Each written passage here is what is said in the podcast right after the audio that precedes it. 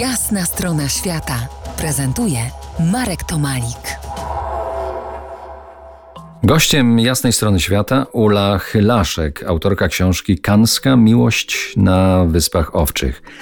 Mówiliśmy, że jest to izolowana, raczej konserwatywna kraina wyspiarska. Czy mam rozumieć, że tak zwane nowości docierają tam z opóźnieniem na przykład 10 lat, a może dekad? Tak, rzeczywiście trochę tak jest. Nawet niektórzy z moich bohaterów e, tak mi wprost mówili, że cokolwiek się dzieje w innym kraju nordyckim, na przykład w Islandii czy czy Norwegii, czy nawet w tej Danii kontynentalnej, to do nich na Wyspy Owcze dociera z jakimś kilkuletnim, nawet dziesięcioletnim opóźnieniem. E, no ale faktycznie dociera po jakimś czasie, więc to, to też jest tak, że wyspowcze czy farerzy mają świadomość tego, że, e, że są krajem nordyckim i, i trochę należy e, nadgonić jakby pewne sprawy i być w podobnym stopniu postępowym, tak jak inne kraje nordyckie, więc też nie chcą za bardzo odstawać i, i gdzieś tam te nowości, o których mówisz, koniec końców do nich docierają. Ale ten konserwatyzm społeczny wzmacnia, tak mi się wydaje, surowy klimat Wysp Owczych, który sprzyja tak zwanemu zimnemu chowowi, surowym charakterom. Mylę się tutaj? Co do tego, to miałabym trochę wątpliwości, no bo też są, są takie miejsca w północnej Europie, jak Islandia czy Norwegia w północnych częściach, która nawet jest bardziej surowa w klimacie, a nie wpływa tak bardzo na konserwatyzm, więc tego akurat bym jakoś bezpośrednio nie łączyła. Myślę, że naj, największy wpływ na ten konserwatyzm miała przede wszystkim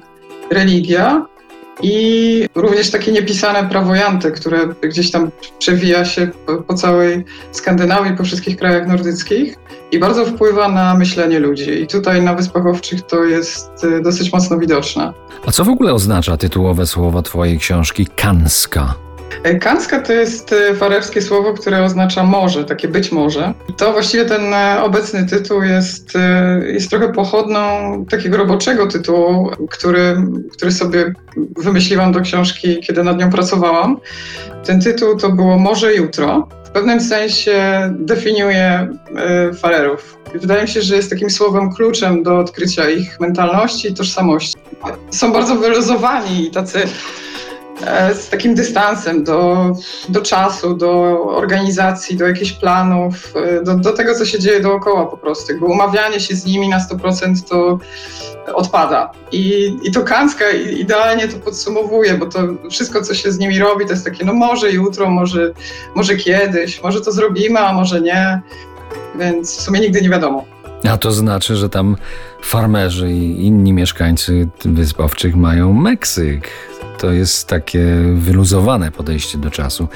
Więcej o ludziach. Taka, tak? Taka maniana, nie? Taka maniana. tak, tak. Tak, tak, trochę tak.